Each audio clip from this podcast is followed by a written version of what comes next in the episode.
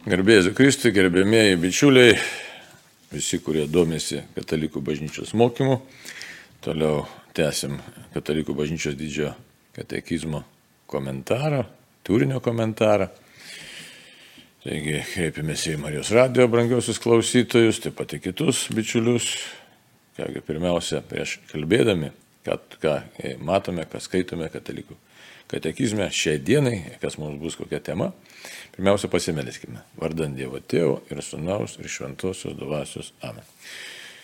Viešpė vienas trybė Dievo, tu apreiški, tu pats apreiški iš didžios meilės mums save, kaip vieną trybė Dievo apreiški Tėvą, Sūnų ir Šventą Dvasią, kalbi mums Šventą Dvasią, kreipi mus link savęs, taigi viešpė Dievo ir dabar. Šią akimirką iš viso širdies prašome, kreipk mūsų protus, mūsų žingsnius link savęs, kad mes vis labiau ir labiau tave pažintume, pamiltume, atrastume Dievą, turėtume tavo artumoje gyvenimo pilnatvę ir amžinai gyvenimą turėtume tavėje. To prašome, dangiškas įstėjo per Kristų šventoje dvasioje. Amen.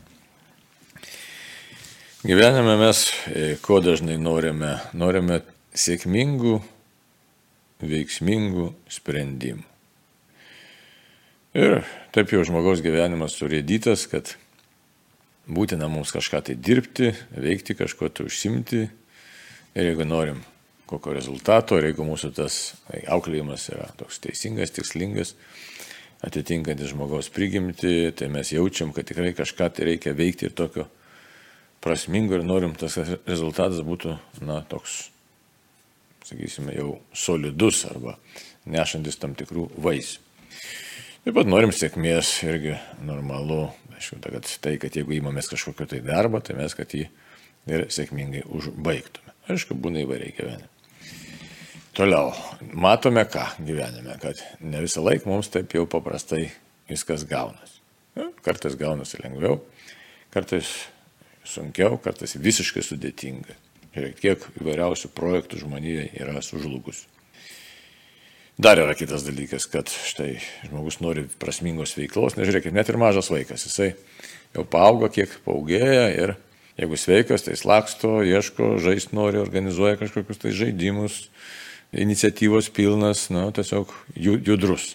Paskui ten gyvenimo eigoje gal nuslopsta tos iniciatyvos dėl variausių priežasčių. Bet šiaip, kai vaikai, tai jie tokie nori tokių visokiausių įdomių užsiemimų, savo susikonstruoja, sakysim, ir kokį nors palapinę, ar ten kokią nors būstą, kaip mėgsta vaikai lyst kažkuris paslaptis visokiausias ten, e, kaip sakyti, susikurti ir viens kitam pasakoti, paskui spręsti tas problemas. Ir aišku, visokių charakterių, tai yra vienas aktyvesnis, kitas pasyvesnis, bet, bet judesys vyksta. Tai kodėl apie, kodėl apie tos vaikus galėtume prisiminti? Todėl, kad savotiškai mes irgi išliekame vaikai. Kitas dalykas, kad tas noras aktyvaus to tokio gyvenimo, tokio verdančio gyvenimo, jisai, nu, jis būdingas e, žmogaus prigimčiai. Tai e, dabar ką dar mes savo galim pasakyti, kad štai visą laiką ir mažas vaikas jis jau nori kažką tai pasiekti ir kad jam sektųsi. Įvairiai čia galim traktuoti, kad e, galim pastebėti ir vairiausių tame ir, ir tokių manipulacijų praaiškėlių vaikų gyvenime, galim pastebėti ir, ir tam tikrų gudragalviavimo, ne, tokio praaiškėlių ir puikybės ir pavydo, visko yra bet yra taip pat labai daug teigiamos energijos, ta prasme, kad štai kažką tai kurti ir pasiekti. Tai gyvenimo, jeigu dar ką pastebim, kad e, ne visą laiką žinom tinkamą tą pasirinkimą, tinkamą kelią.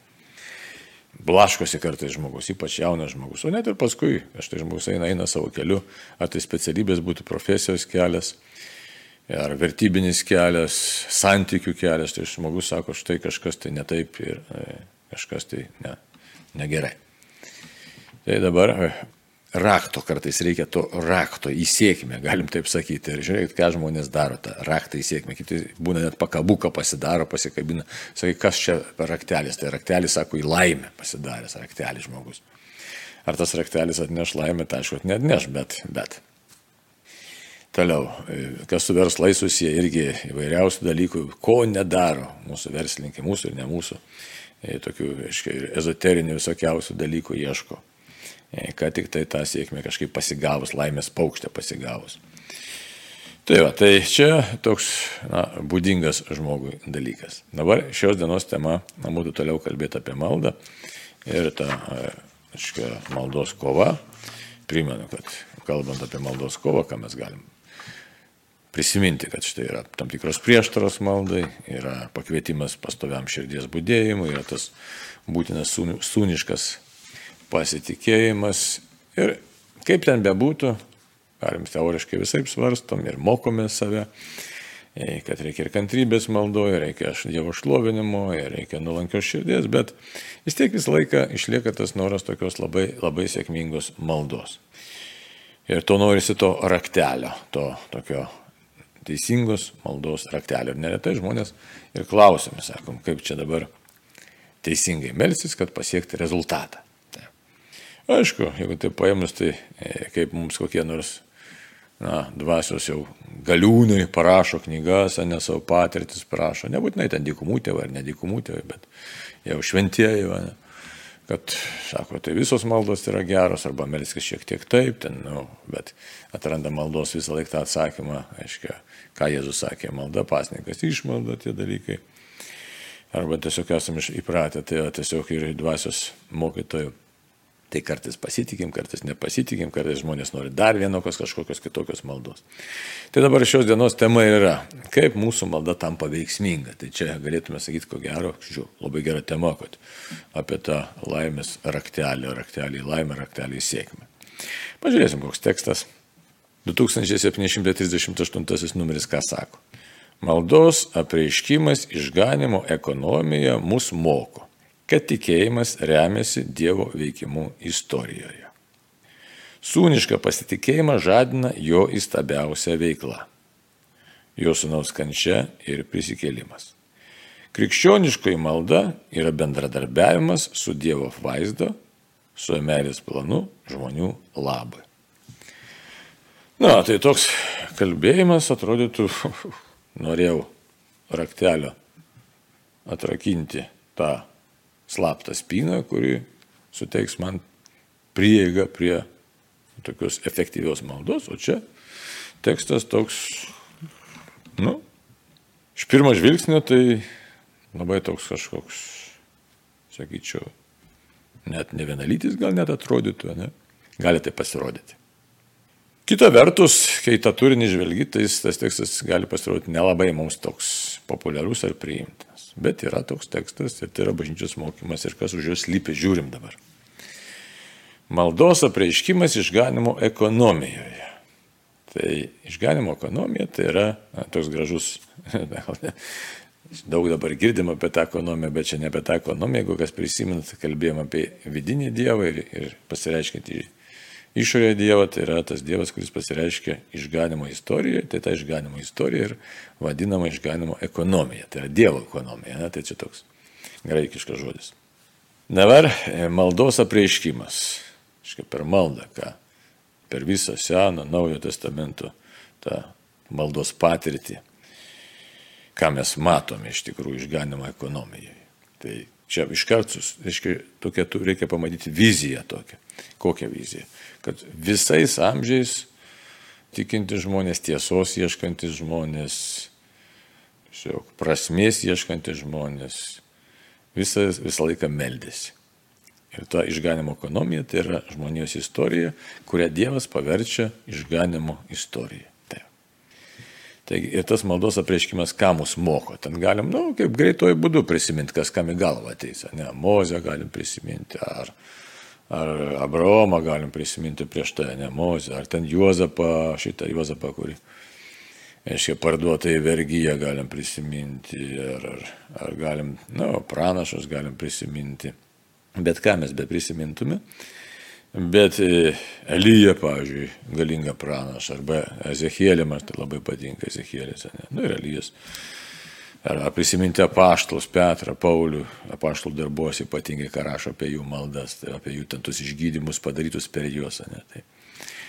Sako, maldos apreiškimas išganimo ekonomija mus moko, kad tikėjimas remiasi Dievo veikimu istorijoje. Tai labai toks. Mūsų tikėjimas remiasi Dievo veikimu istorijoje. Tai ką galim pamatyti, kad tie e, minėti mano autoriai, nu, tiesiog šventraščio, sakysim, pamaldėjai žmonės, tie teigiami personažai, Dievo personažai, iš tikrųjų jie matė pasaulį plačiau ir stebėjo pasaulį ir stebėjosi pasaulį. Mes tą matome. Galim ir švento rašto įvairiose knygose, galim Davido, aiškiai, visoje istorijoje psalmėse pamatyti. Tai, žodžiu, daug tokių vietų, kur e, kas matome, kad diev, kaip Dievas veikia istorijoje ir kaip žmonės pamato tą Dievo veikimą istorijoje. Tai ir tada, e, dabar koks tas Dievo veikimas istorijoje? Dievas veikia kantriai. Nu, galim kalbėti, sakysim, apie izraelitų tremti, ne, irgi kaip viešpas išveda, nu, tiesiog išvaro į tremti ir kaip paskui sugražina iš tos tremties. Ne. E, galim e, pasižiūrėti jau naujo testamento laiką. Tai ne tik tai tai, ką prašo šventasis raštas, bet galim pasižiūrėti ne paskui jau ir e, mūsų krikščionybės istoriją, kiek yra, kas įvyko istorijoje, kiek yra kankinių, kiek yra išpažinėjų, kiek yra liudytojų, kas vyko šiaip per krikščionių gyvenimą šį pasaulyje, kaip vyksta. Ir kas būdinga, kad Dievas tikrai veikia pasaulyje ir Dievas per to žmonės, kurie jo klauso, jisai tikrai veikia. Tačiau kas yra, kad reikia labai daug kantrybės, išminties, išvelgti Dievo veikimą, juo pasitikėti, išlaukti to Dievo veikimą iš tikrųjų. Ir e, tam, veikia, tam išlaukimui vėlgi reikia, kad e, tikrai reikia tam tikros išminties. Tai štai sako, maldos apreiškimas išganimo ekonomijai mus moko. Moko, kad tikėjimas, pats tikėjimas, tai yra, nu, tikėjimas į Dievą, jo. Čia toks tikėjimas ne tik tikėjimas, kad Dievas yra, bet tikėjimas tuo, kad Dievas veikia ir klauso maldų, išklauso tų maldų, remiasi Dievo veikimu istorijai. Tai čia toks tiesiog atrama būtų na, į konkretų žmonių gyvenimą, į gyvenimiškas patirtis. Kaip pavyzdys, pavyzdžiui, toks aktuali galėtų būti te, tema arba priminimas toks Gereono Goldmano knyga, kurią kažkada per Marijos radė pristatinėjom, tavo sparnų uksmėje tokia knyga, vokietis, reiškia, e, pranciškonas, kuriam teko tarnauti antro pasaulinio karo metais fronte, vokiečių fronte, reiškia, nacijų fronte, jeigu taip sakysim. Ir visa jo istorija, kaip pavyzdys, kas neskaito tos knygos, gali paskaityti, labai gražiai, lengvai parašyta. Ir Gerionas Goldmanas netaip seniai miręs, pranciškonas, nuostabus veikėjas, kurio visą gyvenimą lydėjo stebuklai, tai ištesiniai stebuklai. Bet kiek žmonių, kiek vienuolių, moterų vienuolių už jį meldėsi ir kaip jis paskui vykdė savo misiją, taip pat pasaulyje, ta misija buvo nepaprastai tokia įvertinta. Japonijos imperatorius, kadangi paskui po karo pateko į Japoniją, Japonijos imperatorius Gerionui Goldmanui atvyko pats su imperatorienė įteikti ordiną už nepaprastus nuopelnus ten japonų vargšams, japonų tautai ko paprastai imperatorius nedaro Japonijoje, nes iš savo rūmų jis ne, nejuda. Tačiau tik kaip iliustracija yra, kad štai e, Dievas veikia ir Dievas savo stebuklus daro. Istorijoje daro labai konkrečius, įvairius stebuklus daro. Mes galėtume ir savo istoriją žvelgti, Lietuvos istoriją, savo laisvės atgamimą, savo maldas galėtume žiūrėti, tas, kas vyksta istorijai. Ir, sakysime, Marijos apsireiškimus Lietuvoje. E, galėtume pamatyti, kiek Dievas per motinos Marijos užtarimą padaręs yra mums stebuklų, kiek dalykų. Tai, tai štai tas tikėjimas, toks tikėjimas maldos gale, galėtume šitaip sakyti, remiasi Dievo veikimu iš tikrųjų jau žmonių istorijai. Bet kad tą pamatyti ir tą įvertinti, tai reiktų, na, reikia tiesiog pasidomėti, paskaityti, pasižvalgyti, žodžiu, matyti netaip siaurai gyvenimą, kad ne tik tai savo siaurus reikalus. Aišku, reikalingi ir liudijimai, reikalingi pasidalinimai, kartais tu žmonės, aišku, kokių nors paviršutiniškų liudinimų pasako, bet, bet jeigu iš esmės, tai tikrai tų Dievo malonės apraiškų yra labai daug. Tai va, tai čia toks yra, atrodo, toks vienas sakinėlis, toks iš pradžių paskaitai, ką iš čia sako, bet jau kelis kart perskaičiau tą sakinį, tai bet mus moko, reiškia, tai yra ištisinis mokymas ir jis labai svarbus tas mokymas per mūsų pačių, e, per savo pačių tas gyvenimo patirtis, kad štai Dievas išklausė vieną, kitą, antrą, trečią maldą, trečios maldos išklausė. E, arba e, per kitų liūdimus taip pat labai svarbu ir išgirsti ir pasidalinti. Kodėl dabar? Todėl, kad čia keli momentai yra. Kad mes įvertintume, kas vyksta, nenuskubėtume per daug Nes neretai būna, kad pasimeldė, Dievas išklausė ir kaip Evangelijoje, kaip sako, ten tie atėjo dešimt raupsuotojų, e, pasveiko beidami visi, grįžo padėkoti tik tai vienas. Ką Jėzus pasakė paskui tam, kuris pasveiko, sako, eik, tavo tikėjimas išgelbėjo tave. Tai va.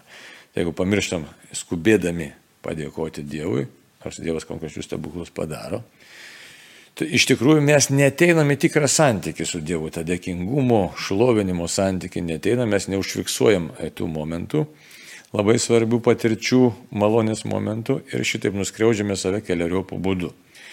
Vienas dalykas, kad nuskriaudžiam atminties tokiu net psichologiniu būdu, mes neįvertinam to, ką gavom ir mes dar kažko laukiam, laukiam, laukiam, laukiam.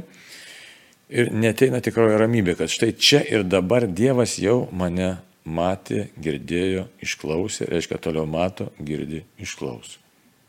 Mes jau nuo vieno peršokom, o tai prie kito punkto, prie kito žingsnio savo gyvenimo. Ir tokiu būdu nuskriaudžiam.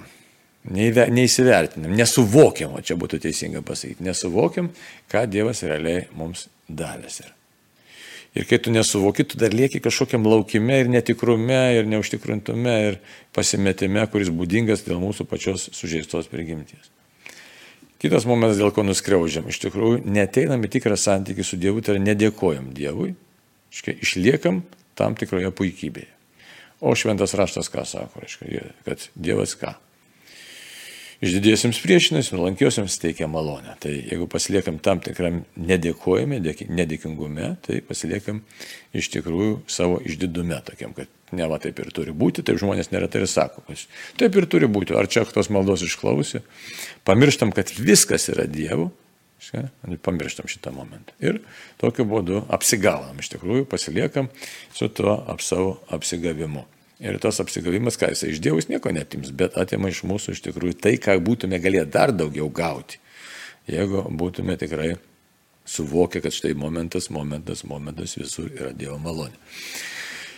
Ko mokomas šitas dalykas, reiškia, taip pat kaip ir kitų žmonių istorijos, ne? Tai jeigu tos istorijos išgirstos, pamatytos, įvertintos, ir už jas dėkojama yra, aišku, nesvarbu, kad tai kito žmogaus istorija, kažkokia tai Dievas išklausė maldų, sakysim, o tų maldų įvairiausių. Kažkas pasveiko, kažkas lengvai pagimdė, kažkam kažkokia bėda buvo. E, Dievas išklausė, atsiuntė bičiulių. Labai kartais elementarių situacijų būna, visiškai atrodo tokių, nu, net būtinių situacijų paima Dievas ir išklauso. Ir jeigu mes to neįvertam arba sakom, čia taip atsitiktinumas, mes iš tikrųjų apvagiam save ir nepasimokom iš tos istorijos tikėjimo tikrumo. Ir tada vėl liekam prasilenkę su Dievu, dar laukiam kažkokios tai pamokos, o kad tos bazinės pamokos esam neišmokę. Čia kaip pavyzdį būtų galima daug pavyzdžių, tokių elementarių pavyzdžių, sakysim, vieną kartą turėjau tokią istoriją pats asmeniškai. Na, prieš šventybę aš nuvažiavau metinės vienas čia, Kedainių rajone buvo žiema ir irgi Pabuvau ten tose metinės, reikia išvažiuoti iki, nuo, nuo sodybos iki plento maždaug pusę kilometrų. Ir užpūsti, kaip su kastuvu net kasi, pusę kilometro, niekaip net kas, su tais savininkais, ten, taip ir taip traukom pečiais, įstrigau, ten pavažiavęs kokius kelišimtus metrų. Pasimeldžiau, Dievė, sakau, vis tiek tu kažkaip duosi e, kažkokį atsakymą, tokia viltis širdyje, bet vidury laukų, kur tu gali savo, kaip sakyt, na, surasti kažkokią pagalbą. Aišku, grįši į grįžę, galbūt ten pa žmonės, nakvosi, dar kažką darysi. Na, bet sniegas yra sniegas. Jis taip greit neištirpsta. Ir ką? Staiga, nežinau, iš kur pakeliu galvą. Ir iš miškelio važiuoja su malkomis traktorius. Ir problema įsisprendė labai paprastai, užkabino trosą ir nuvilko mane iki pleno. Tai va, tai galėtume sakyti atsitiktinumas. Bet kai tu supranti, kad čia pati paprašiai, ir Dievas duoda atsakymą. Ir jeigu to neįvertini, ne, tai galvoju, taip ir turėjo būti, škia pamoka yra neišmokta, istorinė pamoka neišmokta. O taip norisi lengvai vėl kažką tai ne, daryti pačiam ir kažkaip čia kaip mažas vaikas maždaug. Tėtė, paleisk mano ranką, aš eisiu pas, bet paėjus tris žingsnius, paskui vėl tos kojytės klumpa ir vėl reikia ar, to tėvo rankos arba nosim į žemę ir verkia vaikas. Tai Tačiau yra tas tai, toks, sakysime, mūsų priminimas, kad istorija mus moko, jeigu žiūrėsime ar į asmeninę, ar kitų žmonių istoriją, tikrai jinai mus moko pasitikėjimo malda. Bet ta pasitikėjimo malda kaip jį? Reikia pastebėti, jog pastebėti reikia melstis ir dar pastebėti reikia neskubėti ir taip pat reikia dėkoti. Tai manau, kad tų tokių pavyzdėlių čia tikrai galėtume rasti kiekvieną savo gyvenime, kaip Dievas išklauso net būtinėse, kaip minėjau, situacijose. O nekalbant apie stambesnės situacijas. Tai, tai čia toks yra, čia turi būti ateit mums praregėjimas. Toliau. Sūnišką pasitikėjimą žadina jo įstabiausia veikla. Čia, aiškiai, šuolis iš karto yra minties šuolis. Įsivaizduot, istorija mus moko, tai visokiojopa istorija. Čia, aišku, galėtume dar prie tos istorijos dar, kaip kažkada sakiau, bet noriu priminti, sakysime, apie Aušros vartų Mariją. E, gal neužfiksuota ta istorija, bet tikrai vienas e, rusų, nu, sovietų lakūnas, taip reikėtų sakyti, ne, pasako, kaip jie skrido jau fronto artėjant, vokiečius vent, skrido bombarduoti Vilnius ir kaip bombonešis tiesiog negalėjo skristi, pasirodė danguje moteris, šie bolševikai nieko apie tą nesuprato, sako, neskrenda tas bombonešis. Tai. Ir neskrenda ir supratimas toks širdį, kad kol neišmesite tų bombų ant laukų, tol neskrysit. Tai ką jie tada turi išmesti tos bombas kažkur laukuose ir apsisuko, tada pradėjo skristi tas jų lėktuvas. Ir paskui, kai jau Vilnių okupavo sovietai, tai jis įžengė į Vilnių, ėjo pasižiūrėti miesto ir sako, tą pačią moterį pamačiau aušros vartose. Tai mergelė Marija. Tai atpasakos tą istoriją sovietų lakūnas. Tai tokia istorija moko, tai arba mes išgirstam, arba mes neišgirstam, aiškiai. Dabar turėtume dėkoti, ne už išsaugotą Vilnių, už aušros vartus, už Dievą, už Dievo motiną. Tai konkrečiai dėkoti ir dėkoti.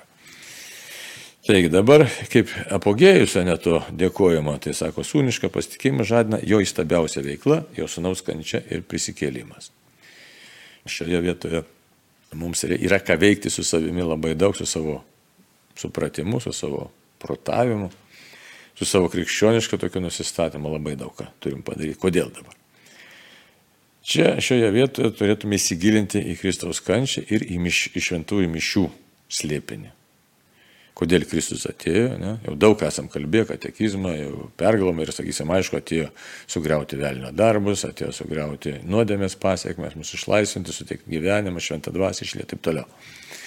Bet kad tai realiai vyksta sudabartinama nekrūvinų būdų mišiuose, dažnai mums praslysta. Ir praslysta dar kitas momentas, toks išsprūstas tiesiog, kad Dievas man realiai suteikė, pažadėjo ir suteikė amžinai gyvenę. Realiai. Ta samprata visai tokia išplaukėjusi paprastai būna. O čia yra pati kulminacija, dėl ko jis atėjo. Šių realiai kulminacija suteikti man amžinybę. Nepaisant į mano trapumą, į mano dužumą, nuodėmingumą ir į mano vargingumą šioje, šiame pasaulyje. Nepaisant to, kad aš to raktelio auksinio neturiu, nežinau pats ir neturiu ir neturėsiu galiu turėti tik tai raktelį su viešpačiu. Tai štai čia yra Jėzaus asmuotas, yra iš tikrųjų auksinis raktelis, atrakinti mums spyną, tiksliau atrakinti mums amžinę laimę. Bet kažkaip tai mes vis vingys apie tą tiesą. Tai čia, štai sako, pasitikėjimą žadina, arba turite, aš tai sakyčiau, turėtume frazę panaudoti, turėtų žadinti jo įstabiausios veiklos pažinimas, aiškiai, Kristus kančia ir prisikėlimas. Tai Čia yra pati viršūnė. Ir todėl, jeigu norime aukti tikėjime ir savo pamaldumo efektyvume, jeigu taip galim sakyti, panaudojant tokią na, pasaulietišką terminologiją, tai turime kuo daugiau mąstyti apie Jėzaus kančią ir prisikėlimą. Ką tai reiškia? Ką tai reiškia pasauliu, ką tai reiškia man ir kodėl Dievas tikrai tą panorėjo padaryti.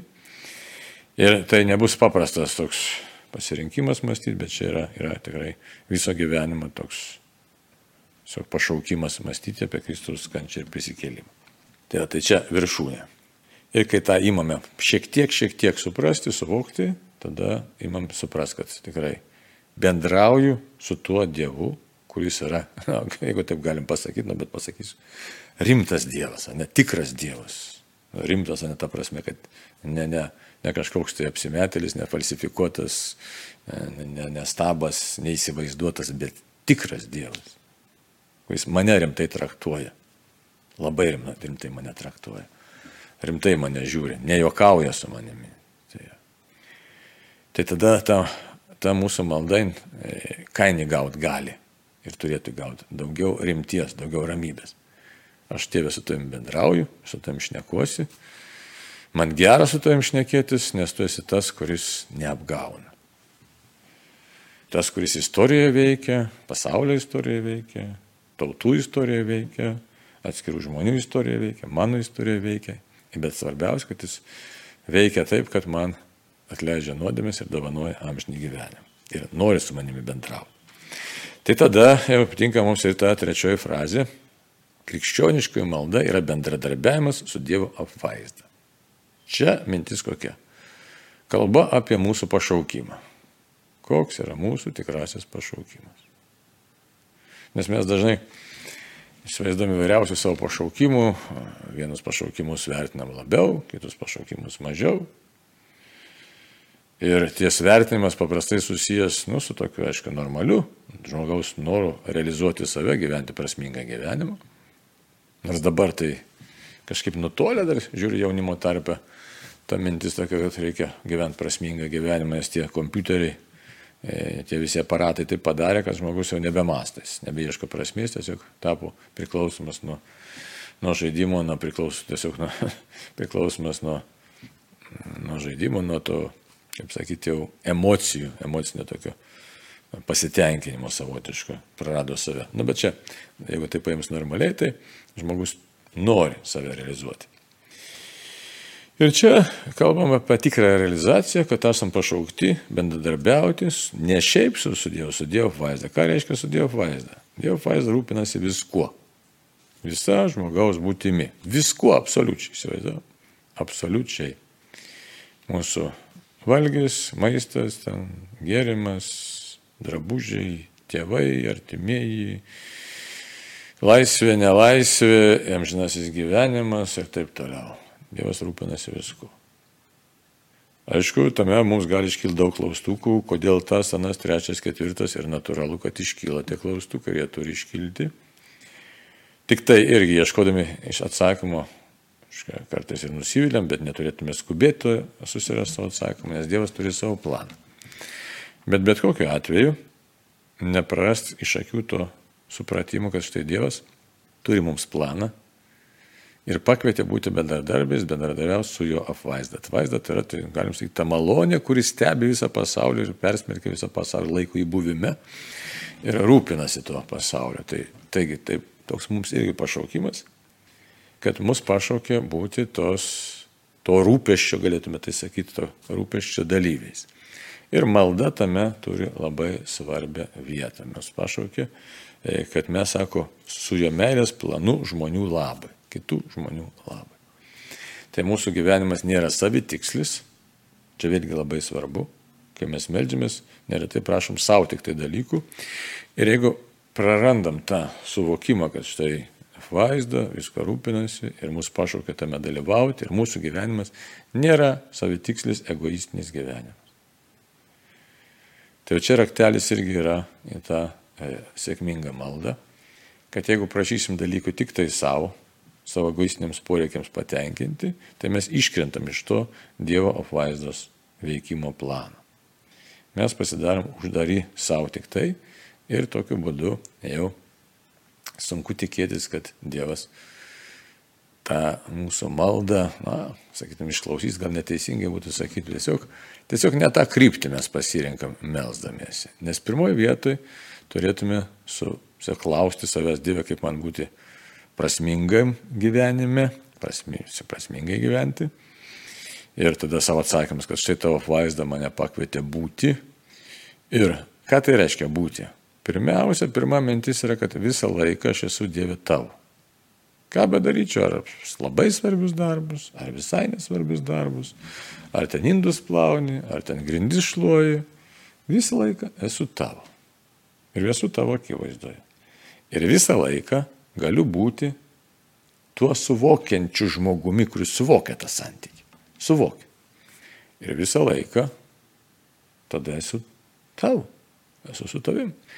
Tokiu būdu aš visą laiką praktiškai, jeigu jau tą suvokiu, aš praktiškai esu visą laiką maldoje, esu tavo. Esu tavo pasaulyje, esu tavo įrankis, esu tavo matomas, esu e, tavo girdimas. Esu. tada suprantu, kad galiu ir melsis bendrauti su tavimi. Suprantu savo laikinumą, suprantu, kad už kažkiek laiko, nežinau kada, bet susitiksim jau už mirties ribos. Tai vėlgi, aiškia, mano buvimas yra kelionė pas tave. Ir ką bedaryčiau, visiškai gal tos, kaip jau minėjau, nereikšmingus darbus. Bet viskas įgauna prasmės, aš esu tiesiog kelyje pas tave.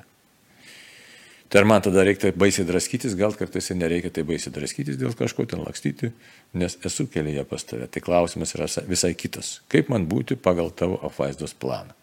Čia yra pats pagrindas, sako. Jo meilės planu žmonių labui, kad sutiktų mūsų bendarbiavimas. To žmonių labui tai pirmiausia sielų išganimai. Pirmiausia, nes Dievas nori visų sielų išganimą. Taigi, ką tai reiškia? Turiu pats pirmiausia tvirtai tikėti Dievu, pasitikėti kiek įmanoma man šiuo momentu pagal mano jėgas ir pagal mano tikėjimo lygį.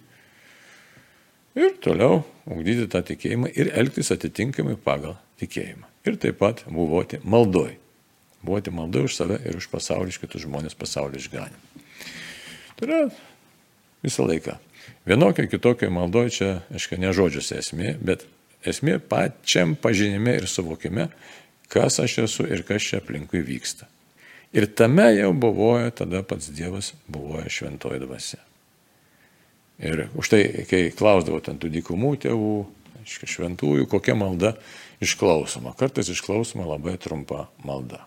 Sekundinė malda tiesiog. Momentinė, visiškai žaibiška malda. O ne ilgos valandos maldų. Kodėl? Todėl, kad tas žmogus jis jau buvoja visą laiką Dievo akivaizdoje, mato save kaip Dievo tam tikrą mylimą žmogų, bet kuriam tenka taip pat ir kryžių panešėti, gyvenimo vargų, kasdienybės ir pareigų ir taip toliau kryžių. Kartais tas kryžius labai sunkus būna, kartais lengvesnis. Bet tokiu būdu dalyvauja tam Dievo meilės plane. Ir visokiais darbeliais, mažesniais, didesniais, atgailomis, ne, pasninkais, maldomis. Tiesiog meldžia pasaulį išganimą. Tai, va, tai čia kalbam apie tokį vieną dėmenį, bet labai svarbu tą bazę, kad mūsų malda būtų veiksminga. E, o jeigu mes iškrentam, kaip jau minėjau, iš to tokio Dievo vaizdos plano ir užsidarom tik tai tokioj egoistiniai maldai, kad štai mano vaikam, mano anūkam būtų gerai, tai iš tikrųjų nu, mes labai taip, aš nedrįsiu taip sakyti, bet kai kurie autoriai sako, kad tiesiog įžeidžiam Dievą. Žaidžiam Dievą. Kodėl dabar? Todėl, kad mes neklausim jo valios, neklausim, kokiam sto, stovi yra mano vaikai ar anūkai koks jų dvasinis stovis yra, ne? kur jie eis po mirties, jeigu dabar, sakysim, betarpiškai miršta. Taip, bet, taip, kad mes neretai prašom netų dalykų, netų dalykų, kurie yra būtini ir, ir, ir na, tiesiog privalome mūsų, mūsų tai dvasiniai prigimčiai, dvasiniam pašaukimui. Kitaip tariant, neretai prašom dalykų, kurie prasilenkia su giliausia žmogaus kaip dvasinės Dievo būties sukurtos, ta dvasinė, nu, dvasinė, bet nesvarbu, kūne aišku esančios, bet tos būties esmė prasilengia. Tai va, taip kad pakvietimas šio katekizmo yra toks, kad atpažintume Dievo veikimą, istoriją, atpažintume Dievo veikimą per Jėzų Kristų, atpažintume savo pašaukimą ir atpažintume, kad tikrai Dievas realiai mus pašaukė, pašaukė vardu, kad būtume jo, taip galim sakyti. Ir tada ta malda visai įgauna kitą, kitą tokią jėgą, kitą tokią, sakysime, jau gelmę, o galbūt gražiausia pasakyti kitą gelmę. Tikrai tada mes matom kur kas prasmingiau tą savo maldą ir labiau įmame ją pasitikėti. Nes tikrai, jeigu aš Dievo mylimas, aš esu Dievo, aš galiu melstis, Dievas mane girdi, jisai istorijoje veikia, bet turiu prašyti labai rimtų ir tikrų dalykų, o labiausiai savo sielos ir kitų žmonių sielų išganimo. Tai, va, tai, tai tiek šį kartą brangiai, tai patikrinkim savo nusistatymus, istorijos matymą ir tiesiog pasikoreguokim, prašykim Dievą, kad leistų mums pažinti jo gerumą, jo veikimą, nepaskubėti, neprasilenkti su jo gerumu ir kad galėtume atrasti taip pat savo tą pašaukimo grožį, taip galim sakyti, drąsiai, buvimo pašaukimo grožį, kad galėtumėt pažinti. Ir kad jisai dominuotų mūsų mąstymę, mūsų širdį, o ne pasaulio dvasia ar kažkokia tai ten mūsų sumišimai, nuodėmės ir visokie tokie dalykai, kurie mus išmuša iš pusiausvyros. Taip kad ačiū Dieve tau už tavo gerumą ir mokyk mus būti maldos žmonėmis. Tai tam kartu tiek ir iki malonių susitikimų, tai laimės visus viešpats sudė. Mėly Marijos radio klausytojai, laidoje kalbėjo kunigas Arnoldas Valkauskas. Likime kartu.